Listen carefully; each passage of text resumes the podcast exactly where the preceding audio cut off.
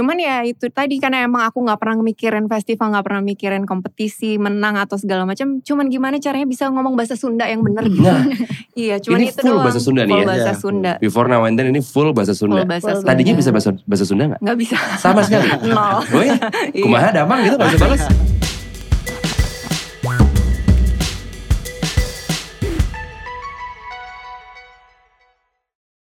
Ketemu lagi barengan sama Rio Wicaksono di MLD Podcast. Akhirnya balik lagi nih gue. Dan kali ini gue pengen ngomongin soal film. Jadi kalau misalkan diperhatiin makin ke sini banyak film-film Indonesia yang makin bersinar.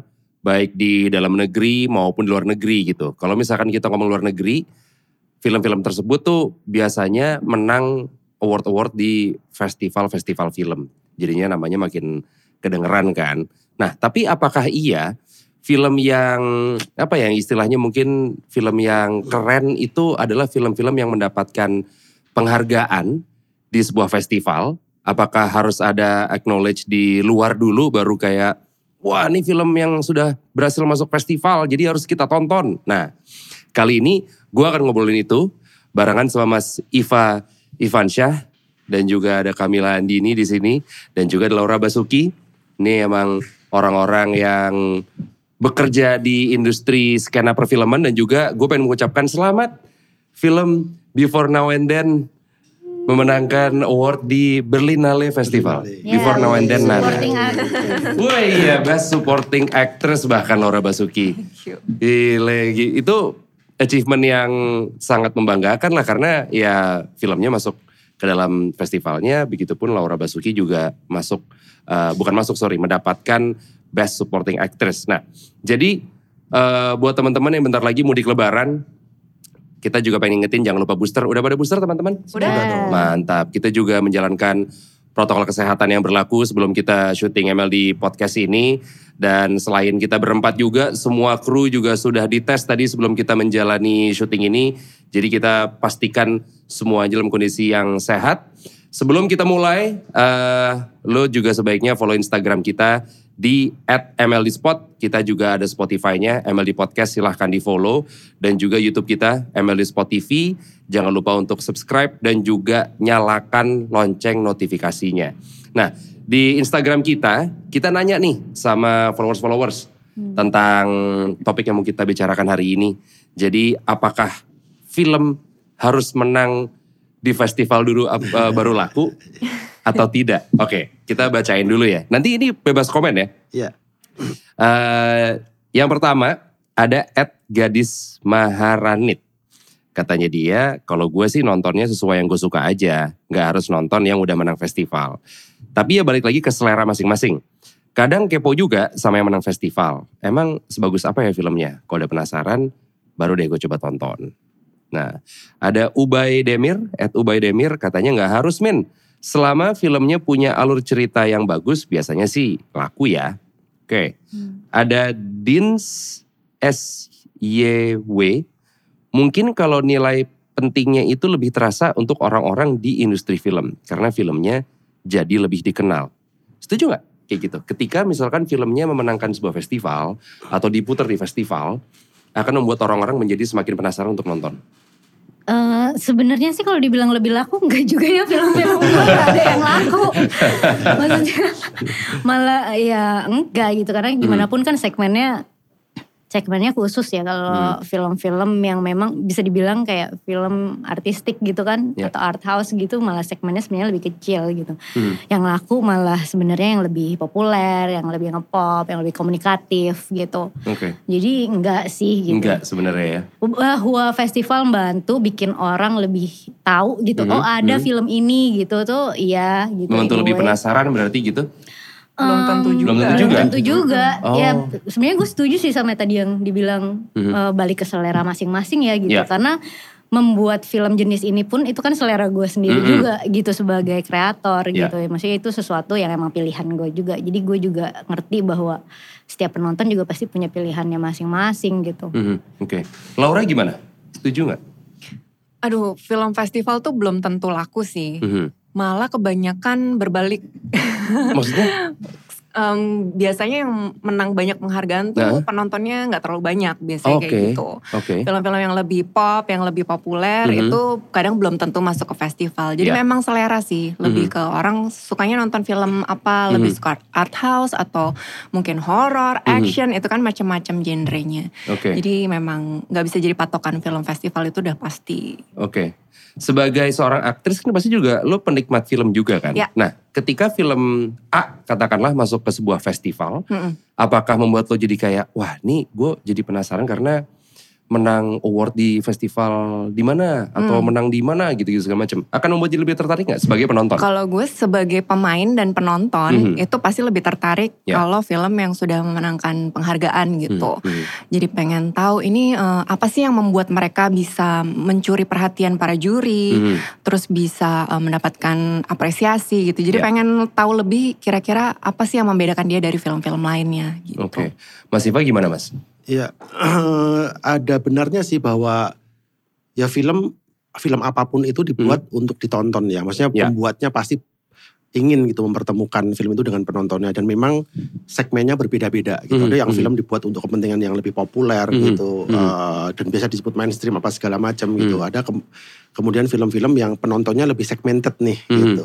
Dan benar gitu bahwa festival adalah salah satu media promosi ya gitu Hmm, gitu ya. hmm. Walaupun kalau dibandingin eh, ini eh, dua apa eh, segmen tadi itu Hmm. memang kalau film festival terus kemudian penontonnya lebih besar daripada film yang yang target audiensnya lebih masif itu ya Hmm. ya emang enggak gitu masih jauh Hmm. sekali cuman memang eh ketika menang festival ada di festival itu pun di segmen yang lebih apa khusus itu tadi Lebih niche gitu lebih mungkin? niche itu ya Oke. ya itu eh, memang eh, bisa apa ya bisa juga menjadi promosi gitu untuk Oke. orang yang bahkan di luar target audiensnya jadi pengen Oh, nonton Oke, gitu.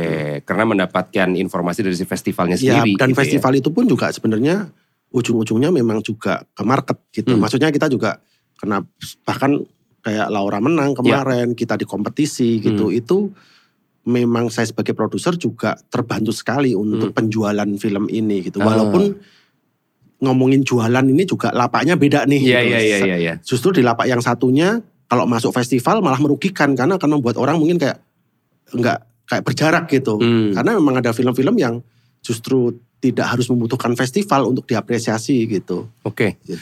kalau misalkan balikin ke gue sendiri gitu ya, ketika misalkan film yang mendapatkan banyak award festival kayak waktu pas beli zaman-zaman DVD tuh, Iya. Iya. kan wah film apa nih judul nggak pernah lihat tapi kok logo padinya banyak Iya, banget. iya. Film festival di sini, di sini, di sini, di sini. Oke beli deh. Padahal ketika ditonton di rumah juga mungkin Belum tentu cocok. belum gitu tentu ya. cocok. Iya. Chance ketidurannya mungkin Iya. juga cukup besar gitu Iya. karena emang mungkin tadi nggak cocok sama genre-nya atau Iya. mungkin bukan film yang ketika saat itu ditonton nggak sesuai sama Iya. moodnya Iya, gitu. Mungkin betul. lagi capek atau segala macamnya gitu. Tapi kalau ngomongin soal tujuan dari uh, festival film sendiri, apakah memang jadi tempat atau jadi sarana untuk film-film yang tadi niche mungkin dengan genre yang tidak lebih pop supaya bisa ditonton sama orang atau semacam kayak kompetisi juga atau gimana? Eh, gue sih selalu menyebut festival ini sebenarnya kayak liga ya, maksudnya Ah. it's just another league gitu. Berarti ada kompetisinya ya? Ada kompetisinya, Mhm. ada pemasarannya, Iya. ada marketnya, Mhm. ada.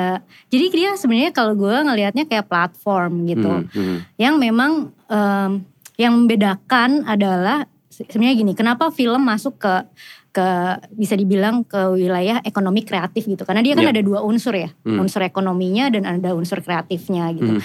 Nah kalau bioskop gitu dia adalah platform untuk melihat film dari sisi hiburan dan ekonominya Hmm, gitu, hmm. bisnisnya gitu ya emang memang ngomongin komersial gitu. Nah festival itu melihat film dari sisi kreatifnya sebenarnya. Jadi dia ruang buat emang kita mencatat nih di setiap festival tuh kita mereka mencatat film-film tahun ini Hmm. bagaimana pergerakannya karena film itu kan selalu bergerak ya dia selalu Hmm. kontekstual dengan zamannya gitu Hmm. seperti juga seni secara eh, secara umum sebenarnya Iya. dia bergerak terus akan ada tren baru akan ada bahasa baru nah itu dicatat dan dibaca gitu Hmm. di festival jadi memang dan karena gue sebenarnya filmmaker yang dari awal besar dan tumbuh gitu di Oke. festival. Jadi emang Hmm. ini em, liga tadi yang memang gue meniti karir gue di situ gue tumbuh di Hmm. situ gitu. Mereka mencatat gue sebagai filmmaker, gagasan gue, visi gue sebagai filmmaker dari awal Hmm. eh, sampai film kedua gue, film Hmm. ketiga, film keempat gitu dan gue udah sampai mana Hmm. dan lain-lain dan bagaimana apa ya apa gagasan yang gue tuangkan di film tersebut apakah bisa menjadi catatan juga em, du- di dunia karena Hmm, kan hmm. kompetisinya global ya Ya. dalam hal ini gitu.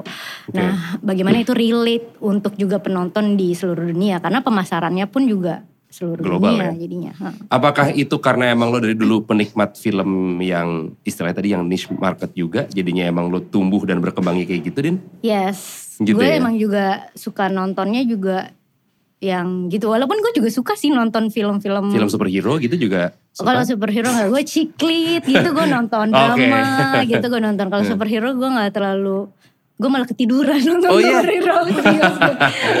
Karena saking cepet kan, jadi gue ini malah terlalu pop buat gue, gitu ya. Kebalikan. Tapi Oh. ya itu. Oke, Laura gimana memandang sebuah festival festival film itu seperti apa? Aku- Perayaan kah atau Hmm. gimana? Kalau aku sebenarnya sih dari sisi sebagai pemain ya, Hmm. aku setiap kali main film atau dapat peran apa pun itu nggak pernah kepikiran ke festival. Pokoknya Oke. gimana caranya bisa ngerjain ini semaksimal mungkin Mhm. gitu, sebelievable mungkin. Mhm, mhm. Jadi nggak ada target-target untuk masuk ke festival. Jadi kalau Oke. misalnya tiba-tiba dapat penghargaan atau diapresiasi ya itu bonus gitu. Hmm, hmm. Nggak pernah kepikiran, oh main ini harus gimana caranya supaya dapat Iya. penghargaan gitu. Nggak pernah. Nggak pernah, Jadi oke. ya memang kebetulan kemarin diapresiasi ya ya udah gitu. Lebih bangga ketika film yang Laura perankan misalkan laku banget, penontonnya tembus sekian gitu, atau bisa kayak tembus ke festival-festival film di luar. Hmm, Ya dua-duanya sih sebenarnya. Kalau harus milih? Harus milih nih salah satu, nggak boleh dua-duanya. ini sebenarnya pengalaman pertama filmku tuh masuk ke festival internasional. Oh ini pertama kali? Iya, Dan pertama langsung menang kali. Best Supporting Actress gue ya. Iya, langsung menang banyak.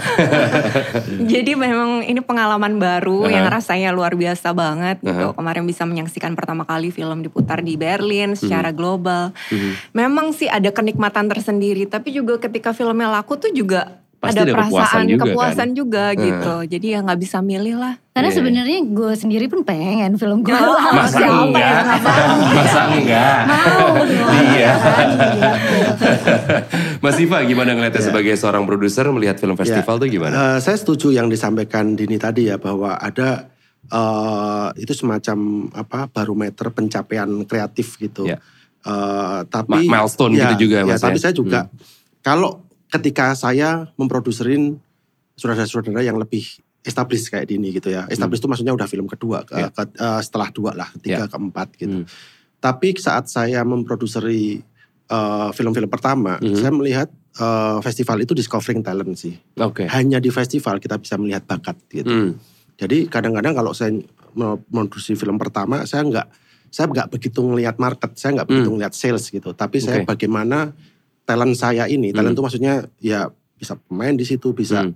saudara itu terdiscover gitu, terlihat Hmm. oleh Hmm. industrinya, terlihat oleh kritikus dan sebagainya gitu. Nah Oke. di, di tengah itu tadi yang barometer kreatif tadi, di ujung kalau sekarang gitu, Hmm. setelah Hmm. saya juga lebih established sebagai produser, Hmm. ya saya ngelihatnya sales Hmm. percuma mau di istilahnya bukan percuma tapi mau dikritisi bagus mau direview bagus mau di apa kalau Hmm. salesnya nggak ada ya percuma jadi Iya, iya, tapi iya. memang lapaknya beda Oke. istilahnya kalau jual lukisan tuh satu jual lukisan di galeri Iya. satu jual lukisan di yang lebih mes gitu di Iya. pasar atau di pinggir jalan Hmm. eh, lukisan yang memang sehari bisa laku lima satunya laku satu aja lima tahun sekali gitu tapi ang- eh, be- beda bukan mana yang lebih bagus bukan Hmm, gitu tapi memang berbeda nah kalau yang sekarang saya melihatnya ya sales jadi ada Hmm. fungsi itu sih Oke, menarik juga Mas. Ketika tadi Mas Iva bilang lapaknya berbeda gitu Iya. ya. Berarti kan tadi eh, di film festival tujuannya untuk menemukan discovering talent gitu misalkan. Iya.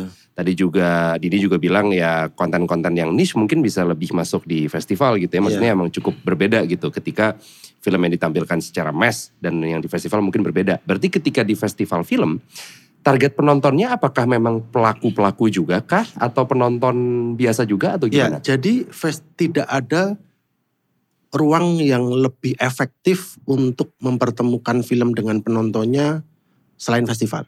Saya bisa Ah. bilang itu. Oke. Misalnya gini, kalau di ukurannya number secara film populer jelas lah kita jutaan penonton. Ya.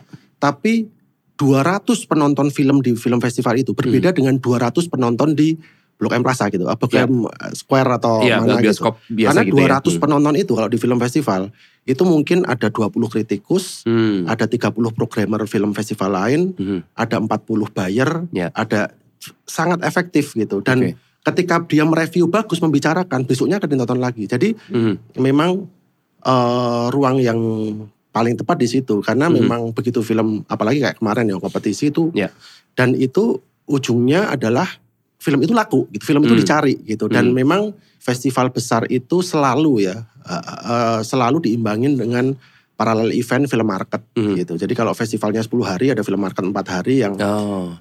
Jadi jualan film di situ Oke, gitu. Ada sales agent, ada distributor gitu. Jadi begitu eh, perspektif produser gitu ya membawa film itu ya bekerja ke sana gitu, jualan gitu. Ya. Maksudnya perspektif Networking ya. Iya, networking gitu. Hmm. Kalau kalau sampai pulang dari festival filmnya nggak laku ya sebenarnya failed gitu. Oh. Kalau kalau udah apa membawa bawa director yang established Ya. dini gitu ya, misalnya Hmm. kayak kemarin di kompetisi gitu ya, Ya, ya, gitu ya. dan dan kalau misalnya eh, saudara-saudara baru beda lagi gitu. Hmm. Tujuannya mungkin bukan sales gitu kayak Oke. gitu sih. Tapi gue setuju tuh kayak Hmm. gue juga ngerasain banget bahwa itu emang ruang buat discovering talent banget gitu. Dan gue Hmm. pun em, pertama gini, gue ngerasain banget gitu gimana Hmm. gue tumbuh gitu sebagai kreator karena memang yang di challenge dan dilihat tuh memang gagasan dan Ya. visi gue gitu yang mungkin kalau kalau di wilayah film komersial kan director membuat film untuk penonton ya Hmm. Hmm. di titik ini kan memang kita membuat film ya untuk menuangkan apa yang kita pikirkan atau Mhm. kita rasakan dan lain-lain. Mhm. Em, dan kalau mau dilihat sebenarnya coba cek deh saudara-saudara Marvel Mhm. itu sebenarnya film pertama film keduanya Iya ya. Oh. semua film-film festival because that's where people looking for talent Oke. gitu. Oke. Mereka nyari talent dari mana ya dari festival Hmm. gitu dan itu kerasa banget. Dan gue pun seneng banget kalau ke festival gue pasti ketemu director-director lain Hmm. gitu kan yang dari negara-negara lain. Kadang-kadang kita mikir kalau di Indonesia gila ya berat banget Indonesia tuh film industrinya gini gini Mhm, gini mhm. gini. Padahal pas kita ketemu teman-teman misalnya dari mana dari Afghanistan atau Hmm. misalnya dari eh, negara Asia Tenggara yang lain, Ya. problemnya sama-sama aja. Sama aja ya. Gitu. We Hmm. share the same problems gitu Mhm, around the mhm. world tapi kita jadi belajar bahwa oh dia walaupun punya problem ini dia bisa bikin film kayak gini ya Hmm. how we- kita ngobrol kita share dan itu menarik banget sih inspiring Hmm. banget gitu Oke. Kalau dari sisi aktrisnya nih, Laura. Misalkan dari awal ketika Laura ditawarin project ini gitu Mm-mm. yang Laura nih kita aimingnya emang untuk eh, ke festival di luar. Hmm. Ada challenge tersendiri gak sih? Kayak apakah mungkin menjadi beban?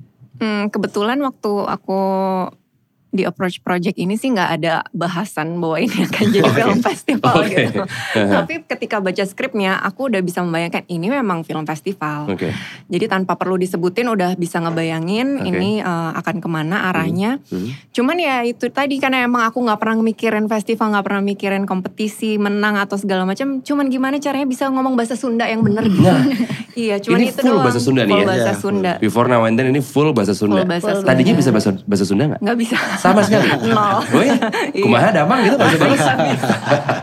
Dari nol banget dong. Dari nol banget. Terus Jadi memang tuh? pokoknya yang di otak tuh mikirin gimana caranya supaya bisa lulus lah Uh-huh, bahasa uh-huh. Sunda ini dengan mentor-mentor Sunda yang memang sastrawan Bandung gitu. Oke. Ya itu sih lebih ke sana mikirinnya. Oke, tapi ketika misalkan yang nextnya nih Laura ditawarin sebuah film dan Hmm. emang misalkan yang kayak Laura nih kita emang aimingnya mendapatkan award di film festival. Mundur perlahan. Masa? Jangankan Laura, gue pun gitu walaupun gue tumbuh dan besar di festival. Tapi kalau ada tiba-tiba investor atau produser, eh Dini gue mau ya bikin, eh, aku pengen nih bikin film sama kamu ya. Tapi ini harus menang ini, gue juga mundur. Nggak, nggak harus menang deh. Te- tapi aiming gue, target gue. kita sebenarnya nggak pernah sih membicarakan Oh. bahwa eh ini nanti gini gini produser harus punya plan itu Oh, oke. produser harus punya bahkan Dan produser tidak juga bisa tapi membagikan bukan, ke saudara dan- iya bukan sesuatu yang kayak eh kita harus ke fest ini plannya harus ke enggak Oke. seperti itu sih kayak Karena kan masuk festival apa enggak itu bukan kita yang nentuin. Iya Betul. Yang menentukan kan kuratornya Iya, dari iya, iya, festival iya. tersebut gitu. Oke. Jadi gimana caranya gue bisa menjamin Mhm. bahwa para programmer itu akan memilih film gue Iya, iya, gimana iya, iya, caranya iya. gitu. Iya sama Nggak kayak mungkin. misalnya ditawarin Laura kamu main ini ya peran ini tapi kamu harus menang FF ini di sini. Waduh. Kan Kayaknya salah casting deh mas. Gitu.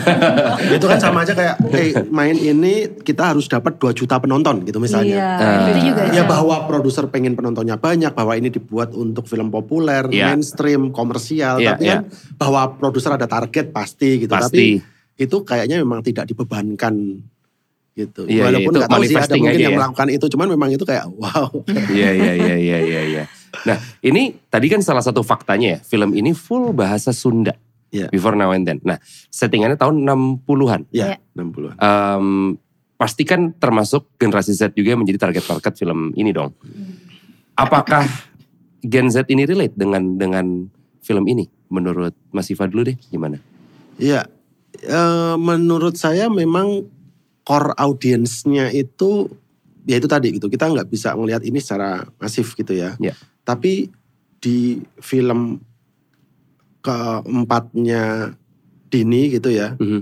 Ini sebenarnya kita harus sudah punya bahwa Dini ini punya penonton gitu. Hmm. Punya penonton walaupun itu tipis gitu misalnya. Tapi kita harus sudah bisa mengukur gitu. Nah kemudian oke eh, ini bahasa Sunda Ya. gitu yang kemudian pasti akan melebar marketnya Ya. gitu. Nah itu yang kemudian memang eh, pasti ada eh, secara sebenarnya kalau secara klasifikasi usia aku juga nggak begitu memikirkan sih gitu ya. Mhm. karena memang memang ini bukan jenis film yang sangat spesifiknya itu bukan ke bukan ke usia segi gitu umur Eh, gitu nggak ya? tapi tapi rasanya eh se- dari segi cerita bahasa itu tadi dari segi Ya. sutradara gitu dan terutama dari segi pemain ya gitu misalnya tentu ada lah penontonnya Laura Basuki itu tentu pasti ada Mhm. kita eh, itu filmnya apa pun gitu pengen Laura nonton Basuki gitu, Holik ah, pasti ngikut gitu Ah, kan. terus kemudian nah itu kan juga salah satu apa ya dampak gitu Ya. ya entah pemain Hmm. sutradara cerita gitu terus packaging film ini gitu jadi Hmm. memang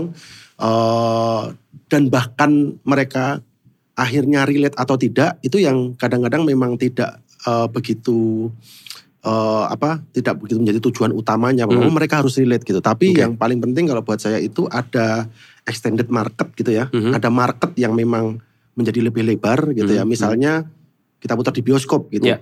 ini menang kemarin best supporting gitu itu kan pastilah pasti ada penonton yang memang bukan marketnya Mhm. tapi menjadi ada irisannya tuh Iya, gitu misalnya eh, seperti itu Dicuri lah perhatiannya istilahnya gitu dengan Iya. dengan misalkan tadi best supporting actress Ya, yang Laura ya. dapatkan. dan gitu juga ya. walaupun ini lama gitu ya dan Hmm.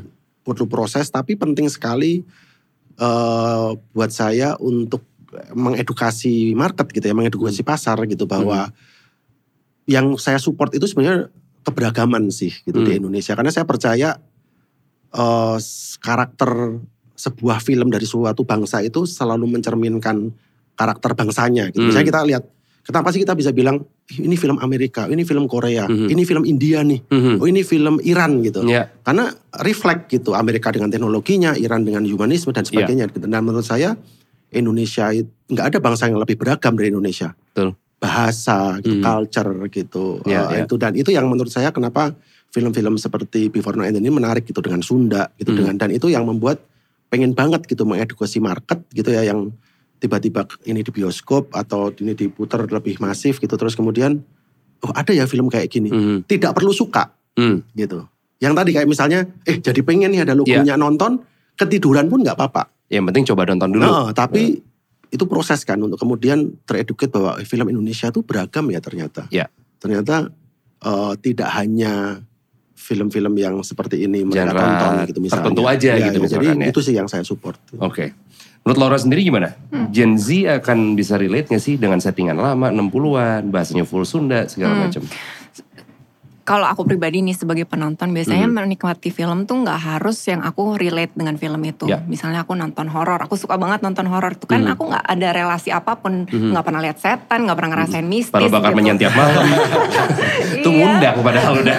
Makanya jadi aku memang datang ke bioskop itu untuk merasakan kayak cinematic experience-nya aja gitu. Hmm. Pengen menikmati, pengen melihat sudut pandang sutradara, Iya. pengen melihat cara pemain mendeliver karakternya Hmm, gitu. Jadi em, menurutku sem- film ini sih bisa ditonton dari semua kalangan ya. Mhm. Mulai dari anak muda, seumuranku atau Mhm. mungkin yang di atasku Iya. semuanya.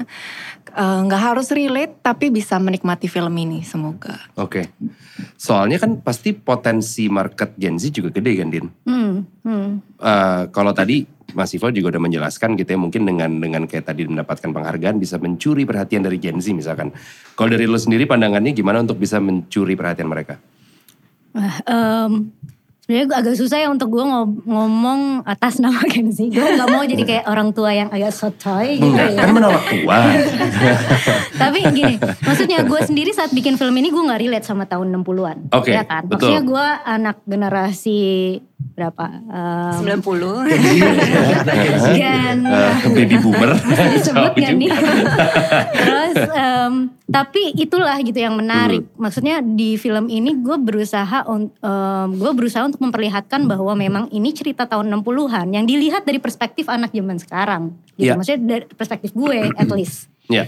Em, gue nggak tahu Gen Z apa enggak bisa ngelihat itu apa enggak tapi gue pengen em, kita melihat cerita ini dari sekarang tahun Hmm. 2022 gitu jadi gue tidak sedang membuat mesin waktu gitu yang Mhm, kita harus mhm. berbondong-bondong gitu ke zaman itu Ya. tapi gue lagi membangun jembatan gitu untuk kita bisa berefleksi at- em, kepada tahun itu dan kepada kultur di tahun itu juga Mhm.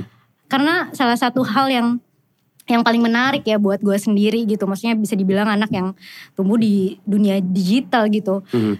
kita berpapasan dengan modernity itu kan cepet banget ya Iya. bergerak cepet banget di banyak titik tuh kayak selalu di- dikasih pertanyaan em, mana sih yang harus di em, ngomongin kultur misalnya Mhm, mhm. ngomongin akar atau root kita mana sih yang harus kita simpan Mhm. kita tetap pegang gitu untuk maju ke depan dan itu Mhm. akan jadi modal kita untuk mengetahui siapa kita sebagai manusia Indonesia Ya. tapi mana sih yang harus kita tinggalkan karena udah nggak kontekstual lagi Hmm. gitu dan itu selalu coba gue pertanyakan di film-film gue dengan kenapa gue suka ngomongin budaya dalam hal ini. Mana sih hal-hal yang ini memang akar kita, ini siapa kita, ini jat- jati diri kita. Tapi mana yang sebenarnya ini udah nggak kontekstual lagi untuk Mhm. kita sebagai anak muda zaman sekarang Mhm. gitu. Nah mungkin gue nggak tahu akan relate apa enggak, tapi buat Gen Z yang curious juga Mhm, gitu, mhm. butuh tahu itu juga, Iya. ya mungkin bisa nonton gitu Iya, untuk iya. mereka juga bisa mempertanyakan karena memang kita selalu nih gitu berada di antara gitu Mhm, ya mhm. gitu di persimpangan-persimpangan antara ya tradisional, kultur dan Mhm. juga modernity gitu. Oke. Di sisi lain gue juga gen- sebagai generasi digital gue selalu berusaha melihat sesuatu. Maksudnya kita kan sekarang we are part of the world ya. Iya kita dong. udah nggak memisahkan lagi Mhm. kayak kita orang Indonesia harus kayak gimana, kita orang Thailand harus gimana. Kayak we are part of the world gitu. Hmm. Dan ini yang gue suka saat melihat film di festival juga gitu. Hmm. Hmm. Walaupun filmnya film Indonesia tapi di treat sebagai film dunia. Maksudnya orang bisa melihat dengan cara yang sama. Film gitu. internasional gitu ya. Mm-mm. Jadi ya seharusnya ya ini menarik gitu. Ini perspektif yang menarik buat gue juga untuk. Mhm. Iya um, iya. Di generasi yang eh, digitalisasinya gila banget perputarannya, adapt or die kan kita sekarang jatuhnya.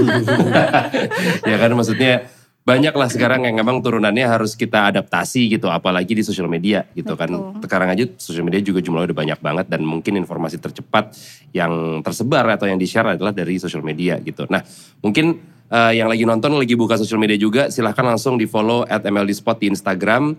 Terus silahkan dibuka tuh Spotify lo, MLD Podcast silahkan di follow dan juga YouTube kita di MLD Spot TV. Silahkan subscribe dan nyalakan lonceng notifikasinya. Oke, kita pengen ngomongin soal film Before Now and Then. Nana. Jadi kalau misalkan dilihat judulnya itu emang Before Now and Then dalam kurung Nana. Ya kan? Ada Yuni Terus Nana, ini berhubungan apa enggak sih? Nah sebenarnya satu asal satu kampung mereka Oh, multiverse atau gimana? Atau mungkin kayak Star Wars, jadi Nana lu ntar ada yang belakangnya gitu. Nana, ada prequelnya. Yuni. Iya. Yanti, gitu kan ya. Sinta, Mawar gitu. gimana? Yuni Nana itu berhubungan apa enggak? Iya. eh, apa ya kalau kalau dari perspektif saya gitu ya ngelihatnya sebagai produser saya selalu suka dengan karakter sih. Mungkin karena juga saya paling nggak bisa bikin judul gitu. Jadi saya selalu senang gitu memberi. Misalnya kayak saya Produsiti, Turah Hmm. gitu, Nana, Mm-mm. Yuni. Tapi memang pas awal itu sebenarnya Nana memang kita pakai sebagai apa ya kayak kayak project eh, title gitu ya kayak Mhm. working progress gitu yang memang itu nama karakternya gitu terus kemudian eh, pada saat itu kalau ngelihat development ceritanya juga memang mengikuti karakter itu gitu Mhm. jadi terus ya pada saat film selesai gitu ya itu sebenarnya juga salah satu diskusi kita gitu ini kita juga agak susah lepas dari judul work in progress itu tapi juga Hmm. sebenarnya pengen nyari judul yang lain gitu tapi Hmm. pas kita lihat filmnya terus eh, Dini muncul dengan ide judul itu memang reflect banget sih bahwa itu yang terlihat gitu dari Oke. dari apa yang ingin disampaikan di film itu tentang waktu tentang masa gitu Mhm. bagaimana Dini mengcapture beberapa waktu di satu karakter itu gitu Hmm, seperti itu. Oke, berarti nggak ada hubungan, nggak berhubungan maksudnya mas ya, secara urutan film apa gitu. Yuni Nana enggak ya? Enggak, kalau secara Enggak. film enggak enggak ada hubungannya. Hmm, oke. Karena cukup bikin penasaran karena ada dalam kurungnya soalnya gitu kan. Nah, baik lagi tadi kalau misalkan kita ngomongin soal eh, festival film, prosesnya tuh gimana sih dari awal mendaftarkan sampai melewati proses pengkurasian mereka gitu gimana Ya. prosesnya? Eh, festival itu sebenarnya ada beberapa eh, cara-cara yang pertama jelas submission gitu. Ya. Jadi eh, semua film festival gitu yang saya tahu ya kecuali satu ada Telluride di Amerika itu Mhm. kita bisa submi- submission gitu. Hmm, Jadi hmm. ya basically kita buka websitenya, kita lihat caranya bagaimana, ada yang bayar, ada yang gratis, submit aja gitu. Hmm, Dan nanti hmm. akan diseleksi oleh programmernya gitu. Oh, oke. Yang kedua scouting gitu. Jadi Hmm. programmer eh, festival film biasanya punya programmer dan dari setiap programmer itu punya teritori. Yang untuk Asia Tenggara ini siapa, untuk Ya. Hmm. Afrika siapa, untuk Amerika siapa, Hmm. ada head of programmer, ada artistic Ya. director Ya, apa ya, segala ya. macam gitu. Jadi Ah. mereka scouting. Hmm. Eh, beberapa pelaku film kayak saya ditanya ada film apa dari Indonesia sekarang Hmm. oh ini nih gitu jadi memang mereka saling mencari info Hmm. mereka nonton editingnya kadang rough cut apa segala macam dan Hmm. Menyeleksi lah dari situ. Jadi Ya. kalau submission itu harus submit dari bawah, scouting itu kita udah sampai di titik ini. Oh. Belum tentu diterima, tentu Oke. saja gitu. Iya, iya, Tapi iya. ada yang scouting, ada yang memang based on recommendation gitu. Hmm. Misalnya eh, f- mereka saling berhubungan kan. Ya. Terus kemudian eh eh, Camila Andin lagi bikin film deh kayaknya. Oh ya coba deh Hmm. gini. Karena begitu karir kita udah beberapa lama di situ, tentu saja kan semua jadi kayak teman ya Betul. semua jadi kayak teman gitu. Lihat Hmm. dong, lihat dong gitu. Hmm. Eh, filmnya yang aduh jangan dulu deh gitu. Ya, jadi sebenarnya kayak akhirnya eh, walaupun tetap ya secara ini tetap submit tapi Hmm. eh, kemudian eh, ada proses seleksi di situ gitu. Jadi yang seperti tadi Dindi bilang bahwa semakin kita punya karir di festival sebenarnya proses mendaftarnya atau proses film itu jaminan untuk dilihat Mhm. itu lebih besar. Udah sudah hampir pastilah film Ya. itu akan nyampe Iya, iya. ditonton. Oke. Tapi bahwa terseleksi ya kita nggak tahu. Iya, iya, iya, kita nggak iya, tahu iya. gitu. Karena Walaupun kan ya, ya, karena kan submissionnya juga ribuan ya. Pasti. Kayak kan Hmm. itu juga, wah mereka harus nonton ribuan film. Hmm. Kayaknya kayaknya nggak sanggup. Iya benar benar benar benar benar. benar. Tapi kalau dari scene eh, festival perfilman di luar gitu melihat eh, industri Indonesia itu seperti apa sih? eh, sekarang sih menurut saya masih tetap kayak apa ya anomali aja. Kayak oh ini muncul. Maksudnya kemarin kan Hmm? berturut-turut ya.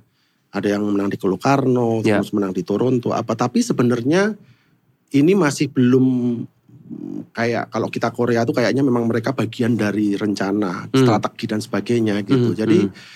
ya s- karena kita pelaku industrinya kita ngerti lah bahwa selama 2-3 tahun ke depan ini saya bisa bilang bahwa lagi memang pak terbaik lah di Asia Lagi megang nih ya, Tenggara ya. istilahnya. Tapi sebenarnya eh, dan beberapa tahun ke depan pun kita udah Hmm. tahu nih bakal ada film lagi nih yang muncul.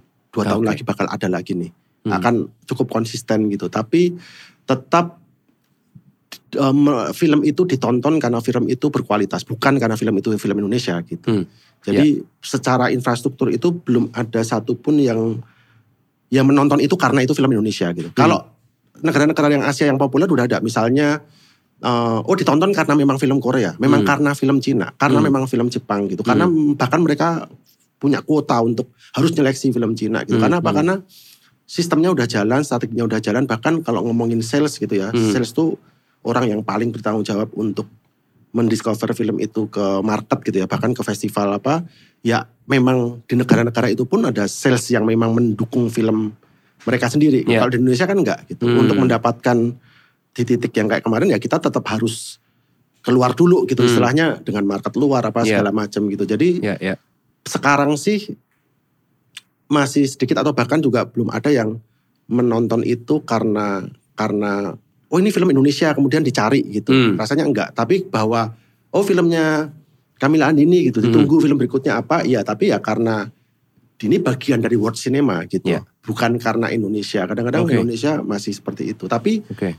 seharusnya bisa sih gitu. Ya. Maksudnya karena memang beberapa tahun itu cukup konsisten dan dan rasanya sekarang ini hubungan kami dengan apa ya dengan misalnya katakanlah pemerintah gitu apa gitu juga lagi bagus gitu. Ya. Jadi seharusnya bisa menjadi bagian dari strategi itu. Oke, kalau tadi misalkan Mas Siva bilang dua atau tiga tahun ke depan kita sedang ada di posisi terbaiknya gitu ya, tapi kan pasti pengennya long term lah. Kalau Hmm. bisa seterusnya gitu Iya, misalnya atau itu dan harus lebih bagi- menjadi distrategikan Ya. gitu. betul dan mungkin lebih naik lagi dan juga pastikan proses regenerasi itu juga penting ya. Iya. Betul. Pasti kan. Nah, Before Now and Then ini apakah ditujukan juga untuk menginspirasi film-film maker yang muda-muda? Hmm, Gimana Din menurut lo? Iya, gua harap sih ya maksudnya Hmm, hmm. em, saat saat membuat film gitu atau karya gitu kan gue berusaha memperlihatkan juga sejauh mana sih sebenarnya gaga- eh, film itu punya ruang untuk gagasan kita gitu as a kreator gitu kan. Mhm. Em, dan semoga sih itu terlihat menyenangkan ya Mhm. buat anak eh, generasi-generasi sekarang juga gitu bahwa ada loh ruang di mana memang kita bisa jadi diri kita sendiri, Ya. kita bisa emang nuangin gagasan yang kita mau Mhm. Dan dan ya semoga itu menyenangkan juga gitu. Se- eh, semoga orang melihatnya semenyenangkan gua membuatnya gitu. Iya, iya. Penting tuh ya. Hmm, dan Mhm. dan semoga itu jadi men- membuat regenerasi juga gitu. Walaupun gue juga ngeliat sih gitu. Gimana pun kan gue juga ngerasain ya em, membangun karir di festival ini kan benar-benar bisa dibilang konvensional ya sebenarnya kan gitu.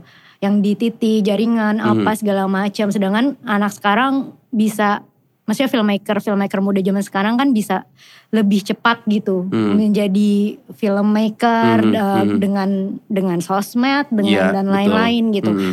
Apakah mereka juga mau meniti karir se- dengan proses yang Mhm. dengan nafas yang sepanjang itu juga gitu? Mhm. Gue juga ya mungkin akan ada cara-cara baru Oke. dan lain-lain sih. Laura ngeliatnya gimana? Apakah film ini bisa untuk menginspirasi film-film maker yang lebih muda gitu, yang yang lebih di bawah?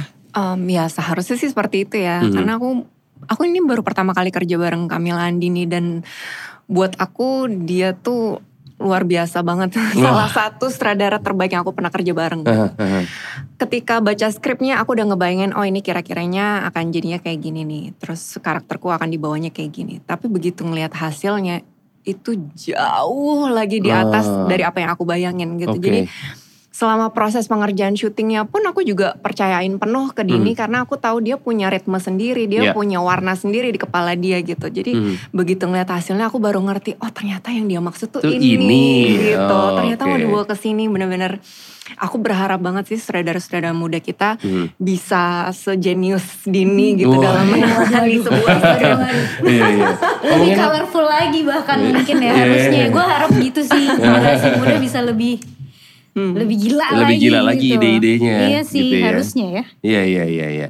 Tadi gue juga pengen nanya sama Mas Siva karena lupa gue tanyain, Mas kalau misalkan menang film festival, udah jaminan film balik modal gak sih Mas?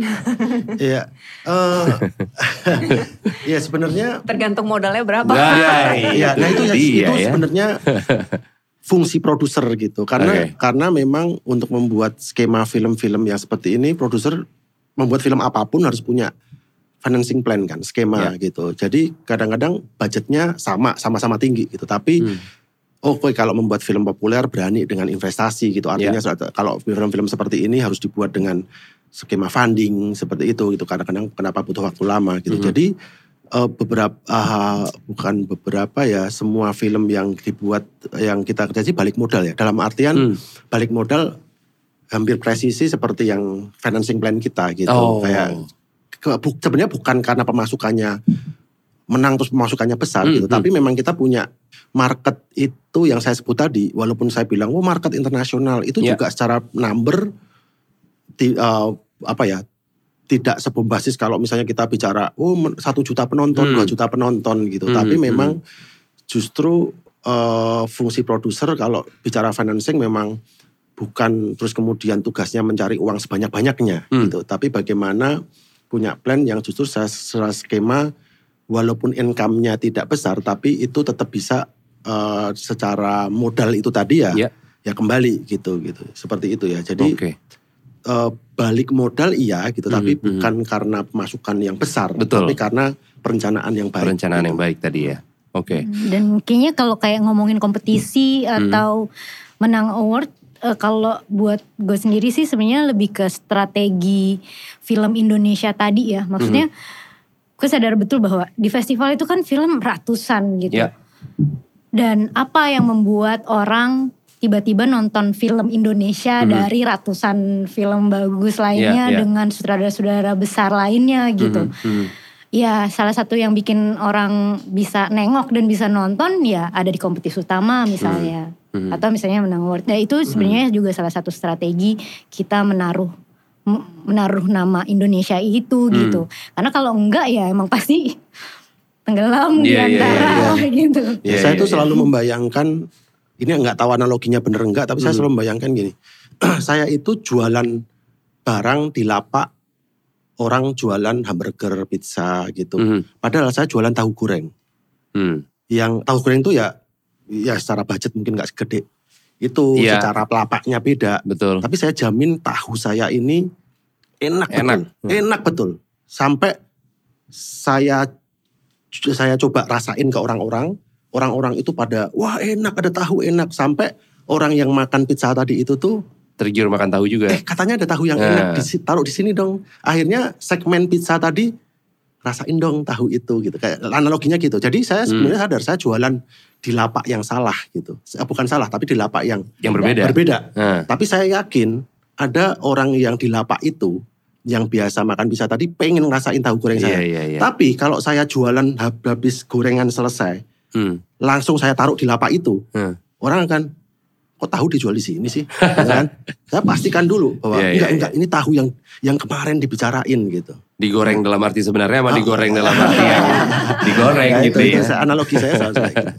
Oh oke oke oke iya iya. karena karena orang yang tadi misalkan analoginya seperti Mas Iva ya tiap hari makan burger Tiap ada makan tahu burger. selingan Jadi kalau saya boleh punya tahu kali gitu. langsung saya taruh di di lapak itu, begitu aja. wajar aja kan kalau si penjualnya eh nggak boleh kamu nggak tak kasih nggak masuk tempat nih di sini marketnya. Heeh. Oh oke lihat ya gitu Nah. kayak tak bawa dulu nih tahunya tak cicipin ke orang-orang gitu. Iya iya iya. iya. Heboh tuh di, kayak gitu itu Di- Oke, atau bahkan oke. bikin lapak sendiri kayak gitu gitu. Iya, Nah, iya, festival media yang bisa tepat untuk membuat tahu saya itu Bisa ada mampu di lapak yang diinginkan oleh Iya, iya.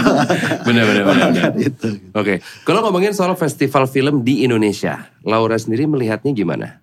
Kalau dibandingin sama festival di luar mungkin atau mungkin punya pendapat pribadi sendiri juga nggak apa-apa. Aduh, eh, boleh yang lain. Justru yang paling nggak siap yang paling duluan.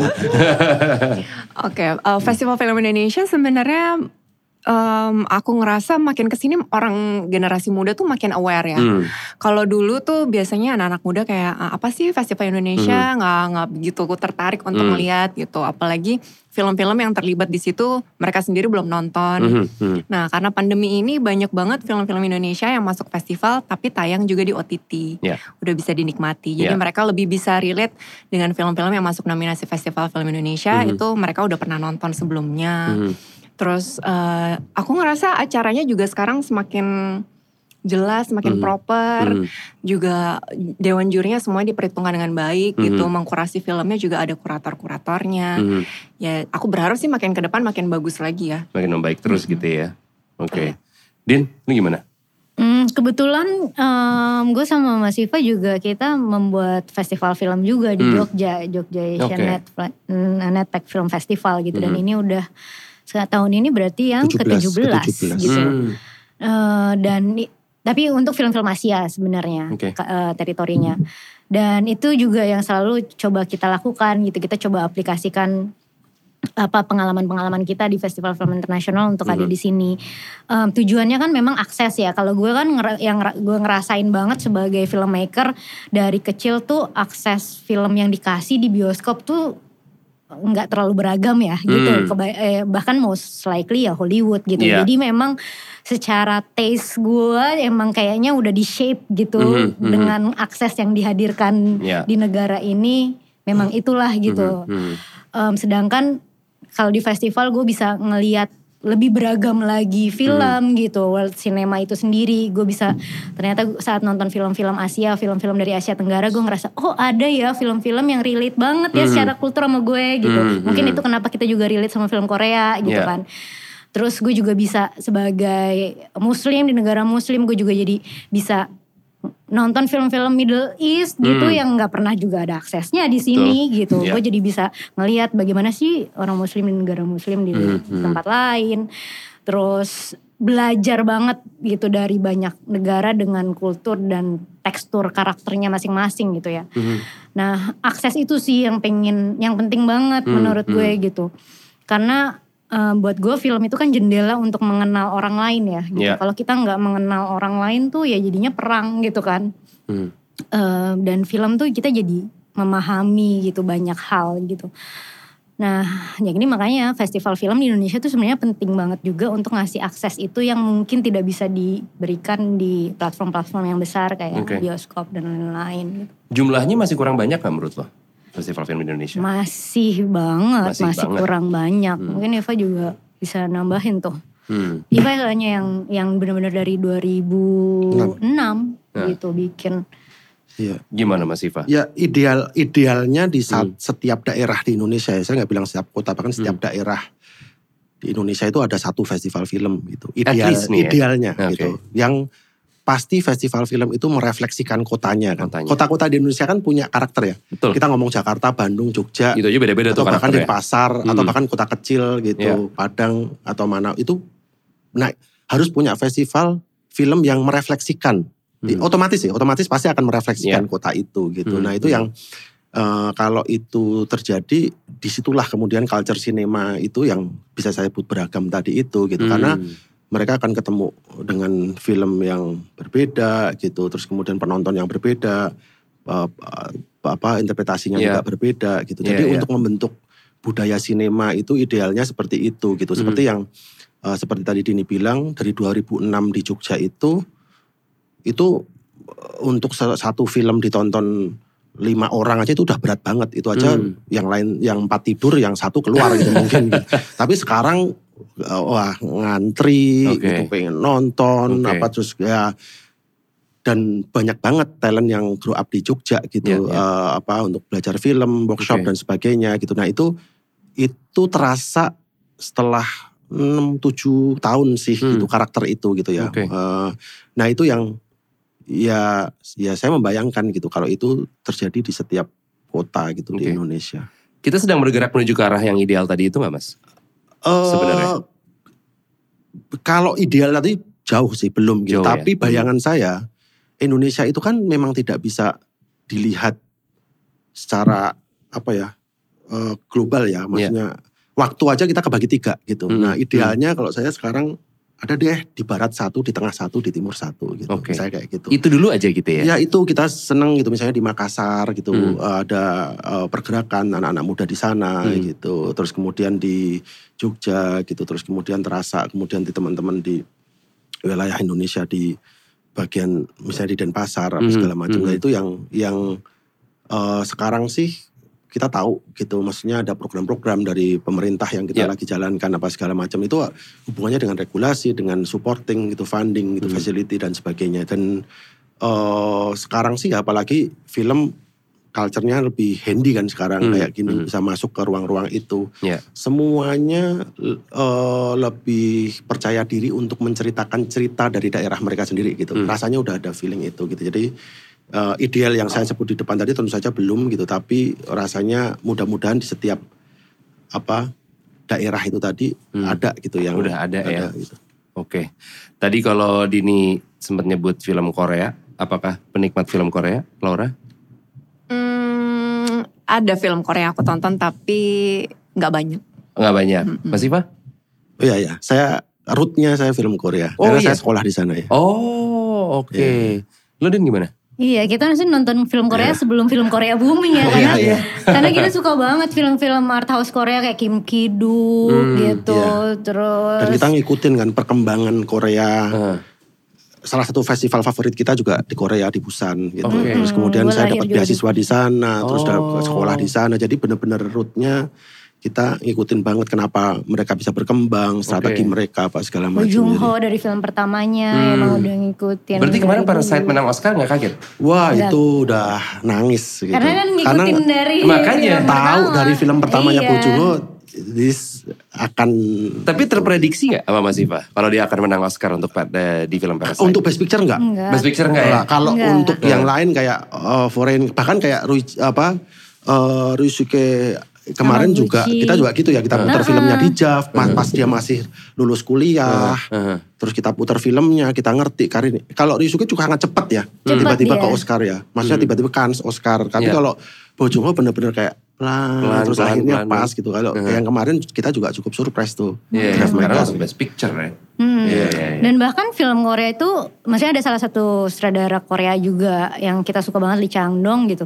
Dan bahkan sebenarnya strategi film Korea itu kan dimulai tahun 90-an Hmm. saat Lee Chang Dong filmmaker Hmm. itu jadi menteri menteri budaya Pariwisata ya, dan pariwisata kebudayaan. waktu itu. Oke. Dan dia melakukan banyak intervensi sampai ya strategi sampai Hmm. sampai sekarang kayak Dan gini. presisi plan mereka dari 90, 25 tahun, eh, bener-bener seperti yang bukan hanya film ya, Hmm. tapi ya K-pop, Oke. terus Iya, kemudian iya. yang lain. Ya strategi kebudayaan gitu. Udah terencana itu semuanya ya. Iya, ada Oke. blueprintnya dan sangat tepat gitu. Hmm. Laura suka film apa tadi kalau Korea? Korea yang aku tonton itu eh, ya Parasite nonton. Parasite obviously ya. Uh, uh, terus aku nonton em, yang Zombie to Kingdom Oh, series, iya, series. iya, Hmm. iya, itu sih yang memorable. Iya, iya. Mm. Berarti kalau misalkan kayak kemarin ada Parasite menang Oscar bahkan Best Picture. Tadi kalau kita ngomongin balik lagi ke film festival, apakah film internasional jadi langsung dipandang lebih apa ya, lebih dihargai lagi, lebih diapresiasi lagi setelah kemarin Parasite menang Best Picture? Eh, lebih ke ini sih Ikut bangga. Asian Iya. Pride. Asian Pride, Maksudnya, iya pasti iya. dong kalau Karena itu. kan iya di festival internasional sendiri apalagi festival Eropa kayak Cannes sendiri sebenarnya Hmm, hmm. kuota untuk film Asia terutama film Asia Tenggara itu kan kecil banget, Hmm. banget. gitu. Hmm. Maksudnya kita tuh ya minority banget Hmm, gitu. hmm. Jadi sebenarnya Udah Asia Tenggara lagi. udah Asia Tenggara lagi. Dibagi lagi, iya, iya, iya. gitu. Hmm. Jadi em, saat ada film Asia Tenggara atau bahkan film Asia yang mampu ke situ sih itu kayak udah speak in the name of semua yang emang juga selama ini Hmm. berusaha naik ke situ ya gitu. Tapi film Asia secara keseluruhan dilihat jadi lebih spesial gak sih setelah kemarin Parasite menang? Eh, lebih menarik mungkin. Lebih ya. menarik ya?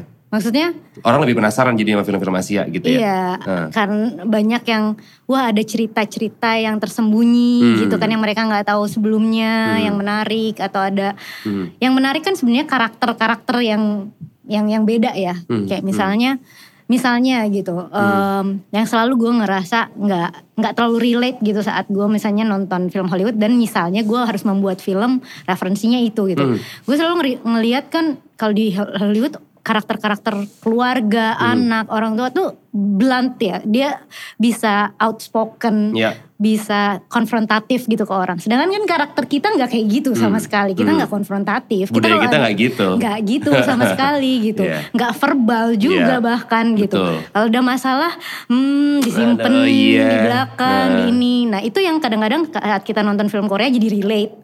Hmm. gitu loh bentuk-bentuk relasi hmm. bentuk-bentuk menangani masalah konflik gitu hmm. kan beda hmm. banget sebenarnya caranya okay. nah ini yang sebenarnya keberagaman karakter hmm. tipe orang itu kan juga yang menarik ya di dunia digital ini juga gitu hmm. orang mencari hal-hal yang baru orang mencari relasi-relasi yang menarik yang unik yang nggak pernah mereka lihat hmm. sebelumnya hmm. gitu kan hmm. Nah ini yang kemudian juga mungkin jadi orang banyak tertarik di cerita-cerita Asia, Asia Tenggara dan lain-lain. Oke, okay. kalau tadi kita udah ngebahas soal uh, Before Now and Then dan Laura Basuki mendapatkan Best Supporting uh, Performance. Perasaannya gimana tuh Laura ketika ini kan yang pertama kalinya kan? pertama kali. Jam berapa dikasih tahu? Iya jam berapa dikasih tahu? Uh, waktu itu aku lagi karantina di Jakarta kan habis pulang dari Berlin. Okay. Aku nggak ikut acara awarding night. Mm -hmm. Uh, Mas Ivan nelpon di Jerman itu jam 5, di aku jam 11 pagi. Iya, okay. okay. waktu itu lagi posisinya ya lagi karantina, aku lagi baca skenario gitu. Uh. Terus Mas Iva bilang, e, Laura saya mau telepon bisa nggak hmm. gitu. Langsung mikirin, aduh ini aduh, ada berita apa buruk nih? apa gitu. Langsung pas, iya ya kenapa Mas Iva gitu. Terus Mas Iva bilang, iya uh, Laura kamu mm, dapat silver bear. Terus itu masih mencerna. Sempet kira bohong gak? Ah aku nggak mikir bohong, tapi aku mikir jangan-jangan jurinya salah nama, Laura siapa oh, gitu. Iya, iya, iya, iya. Jadi aku mikir ini bentar uh, Silver Bear untuk Best Supporting Actress uh. maksudnya, ya Best Supporting Performance karena uh. di sana tuh uh, gendernya neutral okay. antara cowok cewek mm -hmm. tuh jadi satu gitu mm -hmm. terus kok bisa aku mm. bilang emang karena nggak kepikiran sama sekali mm. lah ke sana emang ke sana tuh untuk nonton world premiernya mm -hmm. udah ya udah aku pulang gitu mm. terus pas itu ya kayak ngimpi aja kok mm. bisa sih itu terus seharian kayak bengong sendiri karena kayak bener-bener nggak berharap pun iya, enggak yeah, yeah, gitu yeah, yeah jadi ya kayak sweet surprise aja sih itu. Oke. Okay. Kalau tadi Mas Iva di awal kan bilang kalau Festival Film di luar itu uh, kesempatan untuk networking juga mm -hmm. gitu ya. Mm -hmm. Dengan kemarin mendapatkan Best Supporting Performance. Mm -hmm. Ada yang lirik, ada yang kontak-kontak gitu gak sih? Enggak sih. Cuman ya sampai saat ini aku gak pernah kepikiran untuk go internasional gitu hmm. enggak. Hmm. aku udah seneng aja syuting syuting di Indonesia tapi gitu. sebenarnya pengen dong go internasional. Nggak ada sih mimpi ke situ tuh nggak ada. Wah, malah bahaya nih kayak yang nggak ada mimpi gitu. Malah bahaya, iya, iya, malah iya. bahaya ambisiusnya enggak tapi ternyata dapat kemarin best supporting performance gitu kan. Iya bener-bener nggak ada mimpi ke situ sama sekali sih. Nikmatin tapi kalau ada tawaran nggak menutup kemungkinan dong. Iya iya tapi belum kepengen sih sebenarnya. Oh belum kepengen malahan. oh oke. Okay. Gitu. Dan kalau misalkan kemarin uh, setelah tayang di Berlinale gitu ya dan uh, ya dengan Laura mendapatkan Best Supporting Performance pastikan secara exposure juga cukup mengangkat uh, filmnya gitu ya. Hmm. Yang lo dapatkan kemarin dari Festival Berlinale apa aja sih sebenarnya? Selain mungkin ya pengalaman tayang di sana segala macam gitu-gitu. Iya sebenarnya yang paling mahal itu kan um, di setiap film yang gue bikin gue pasti growth lagi kan sebenarnya sebagai kreator juga gitu. Hmm. gue nggak bisa ngelakuin hal yang sebelumnya gue lakuin gitu. Jadi ya ini sekarang ada di ya, ada di main competition di lima festival besar di dunia itu hmm. gimana pun pengalaman yang yang baru banget lagi juga gitu buat yeah. gue walaupun gue udah sering banget ke festival gitu karena mm. itu nggak pernah gue alamin sebelumnya gitu mm. Mm. gue cuman bisa ngelihat Berlinale Palace tuh dulu cuman nonton filmnya siapa ini kapan film gue diputer di sini gitu yeah. terus sekarang tiba-tiba bisa jalan di red carpet sama Laura sama Iva gitu di situ kan kayak ini bahkan kalau orang-orang bilang gila gila iri banget apa enggak gue asam lambung enggak gue kayak gue langsung kumat ini gitu karena gue takut banget anjir ini bener nggak ya nah. gitu maksudnya nanti kalau orang buing gimana yeah, yeah, yeah. gitu senervous itu karena uh -huh. emang nggak nggak nggak kebayang banget hmm. jadi pengalaman yang banyak banget gitu. Maksudnya hmm, hmm. kemarin bener-bener ketemu juri-juri yang nonton langsung itu kan juga salah satu kesempatannya ya hmm. gitu. Uh, M Night Shyamalan gitu tiba-tiba nonton film gue, terus hmm. gitu dia juga komen dan bisa ngobrol tentang film making juga dengan ya Hamaguchi gitu kan um, atau Claire Denis, hmm. Sangsu gitu. Ya itu filmmaker-filmmaker yang gue tonton film-filmnya. Yang gue nonton filmnya dari SMA iya, gitu. Iya, kayak iya, iya. jadi yang ah gitu. Uh. Terus ya itu ya exchange thoughts dan Hmm. lain-lain itu gimana pun um, Itu berharga ya. banget sih Gila. gitu maksudnya Hmm. ya ya pengalaman baru aja Iya, sih. iya, pasti pasti. Mas Iva, kalau misalkan ngomongin soal uh, film gitu ya. Ini menurut Mas Iva sendiri dan mungkin nanti Laura dan Dini juga bisa berkomentar. Lebih menguntungkan dan bergengsi yang mana? Film yang tembus ke festival atau film yang uh, keluar di bioskop atau keluar di streaming platform? Ya, eh, sebenarnya se- setiap film dibuat dengan dengan eh, apa ya, dengan visi ya, dengan Hmm. vi- produksi ini mau ke mana gitu. Ya. Nah sebenarnya sel- selalu menyenangkan eh, film itu diapresiasi di di tempat yang memang kita Yang inginkan. memang gitu. diinginkan, Iya itu benar. sih yang Oke. yang kenapa saya memproduksi film-film yang eh, apa istilahnya direct visinya sutradara itu gitu karena ingin diapresiasi di tempat itu gitu kayak gitu. Hmm. Oke. Jadi itu juga menyenangkan sekali gitu. Ya. Itu juga yang tadi Dini ceritakan juga saya rasakan gitu Hmm, bagaimana kayak ya ditaruh di tempat seperti itu gitu. Hmm. Eh, Kritik film apa segala macam responnya gitu Hmm. ditonton itu juga menyenangkan sekali sih. Pasti. Itu Hmm. itu menyenangkan sekali gitu Hmm. dan dan saya pernah gitu merasakan itu ngelihat film masih satu jam lagi antrian panjang banget Hmm. itu juga Hmm. lemes sih Hmm. apa Hmm. dengkul itu kayak Iya. aduh lemes banget ya gimana ya caranya orang ini datang dari mana nggak tahu pengen Iya. nonton film kita itu juga juga menyenangkan jadi sebenarnya setiap eh, karya yang bagus ya Hmm. menurut saya akhirnya ya good film is a good film gitu. Eh, yang membuat kotak-kotak itu kan sebenarnya ya kayak penonton, media apa dan itu wajar karena penonton butuh diarahkan, Iya. butuh diklasifikasikan. Tapi kalau dari perspektif kita kita jarang sekali bicara oh ini film festival ini. Ya memang kita Hmm. tahu bahwa ini platform yang tepat ke mana ke mana kita punya rencana tapi setiap eh, karya itu ketika kita buat dan itu works ya Hmm. itu ada ada puncak apresiasinya itu tadi Hmm. gitu Hmm. baik itu puncaknya itu tadi gitu ya eh, di festival gitu atau bahkan ditonton banyak orang seperti itu sih jadi Oke. itu menurut saya sama-sama menyenangkan gitu Iya. tapi kalau bicara dari perspektif dari seorang filmmaker gitu ya Hmm. di mana sih film itu dipresentasikan di tempat terbaiknya gitu ya Hmm. bioskop Bioskop. ya bioskop karena walaupun kita membuat film untuk platform Ya. itu kan hanya beda mediumnya aja beda lapaknya aja Hmm. tapi pada saat kita membuat kita nggak pernah berpikir oh ini untuk platform nih Iya. Kita tetap berpikir bahwa ini akan dipresentasikan di tempat terbaik Hmm. yaitu bioskop bahwa nantinya kemudian dialih medium Alih kan ya fungsikan, nggak nggak apa-apa gitu Hmm. tapi eh, secara teknis suara gambar Semua dipersiapkan untuk bioskop. dipersiapkan untuk layar ini lebar. dipresentasikan di layar lebar dan itu memang sampai sekarang dan saya yakin selamanya gitu Hmm. akan akan tetap ada gitu akan tetap ada dan menjadi ruang yang paling eh, tepat gitu untuk mempresentasikan film dari sisi teknis. Laura mau nambahin? Hmm, dulu waktu pertama kali OTT mulai muncul, Hmm. mulai naik daun, sempat ada kekhawatiran apakah nanti orang akan bergeser ya, Iya. jadi nggak nonton bioskop, lebih Hmm. milih nonton OTT karena kita bisa Hmm. nonton di mana aja, di mobil, Betul. di jalan, bisa di pos gitu. Mm-mm. Tapi ternyata makin ke sini makin terbukti bahwa memang eh, experience di bioskop tuh nggak tergantikan gitu. Memang, Orang tetap setuju. akan cari film di bioskop Iya. gitu. Jadi aku sebagai pemain pun nggak khawatir akan tawaran mau nanti film kah Hmm. atau OTT kah karena Hmm. selama ini yang aku kerjain juga misalnya di OTT kualitasnya tuh sama seperti syuting film. Hmm. Orang-orangnya yang backgroundnya juga direkturnya, pemain-pemainnya memang yang orang-orang biasa di film gitu. Hmm. Hmm. Jadi tanpa mengurangi kualitas tetap bisa dinikmati di mana aja. Hmm. Jadi aku memang nggak bisa milih sih, lebih milih main film bioskop apa film di OTT ya karena dua-duanya sama-sama buat aku experience-nya sama gitu.